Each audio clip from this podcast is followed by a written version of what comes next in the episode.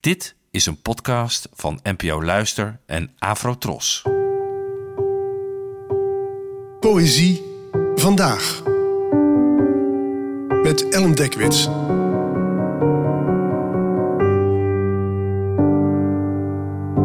Hallo, fijn dat je luistert. Het gedicht van vandaag heet De Klacht van den Oude en werd geschreven door de Vlaamse dichter Willem Elschot, geboren in 1882 en gestorven in 1960. De klacht van den oude. Ik word aan het oud zijn niet gewend. De lichte laaie die ik heb gekend zit nog te diep in mijn knoken en blijft mij dag en nacht bestoken. Mij beteren heb ik steeds gewild en menig, menig uur verspeeld aan op te zien naar ginderboven, aan bidden, leren en geloven. Helaas, ik schaam mij en beken dat ik wel diep verdorven ben.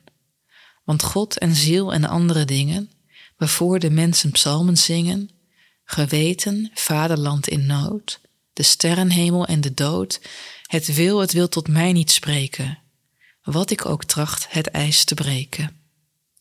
Maar waar ik wel toe ben bereid, dat is voor elke jonge meid, zoals er honderdduizend lopen, de kleren van mijn lijf verkopen, en heel mijn huis en heel mijn vrouw, ik zou het doen en geen berouw zou in mijn ogen staan te lezen, en het zou nogthans een misdaad wezen. Wanneer ik langs de huizen trek, loert men mij na, als ware ik gek, alsof mijn plannen en mijn zonden op mijn rug te lezen stonden. Ik ben een schurk, ik ben een hond, geen rustplaats waard in heiligen grond. En ik wil een hoog rantsoen betalen voor elke bundel zonnestralen maar laat mij doen met eigen vuur wat ik verkies, zolang ik duur. En plaag ons niet, mij arme stakker, en Satan lief, mijn laatste makker. Het allerbekendste gedicht van Willem Elschot is meteen een van de allerbekendste gedichten van de Nederlandse en Vlaamse literatuur, namelijk Het huwelijk.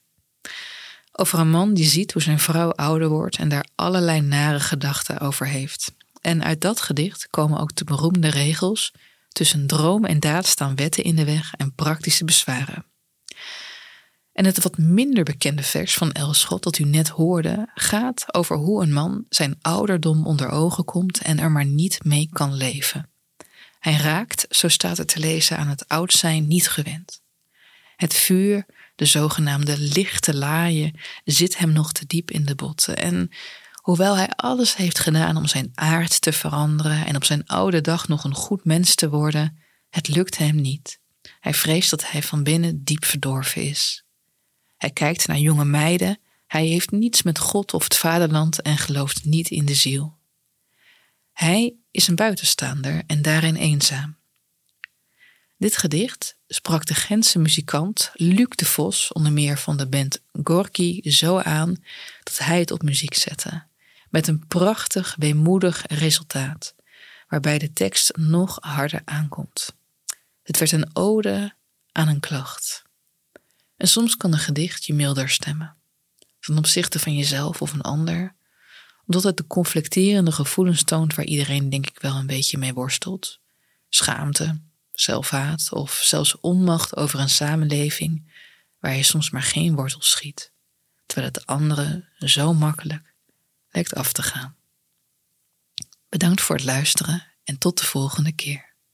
Afro Tros, de omroep voor ons.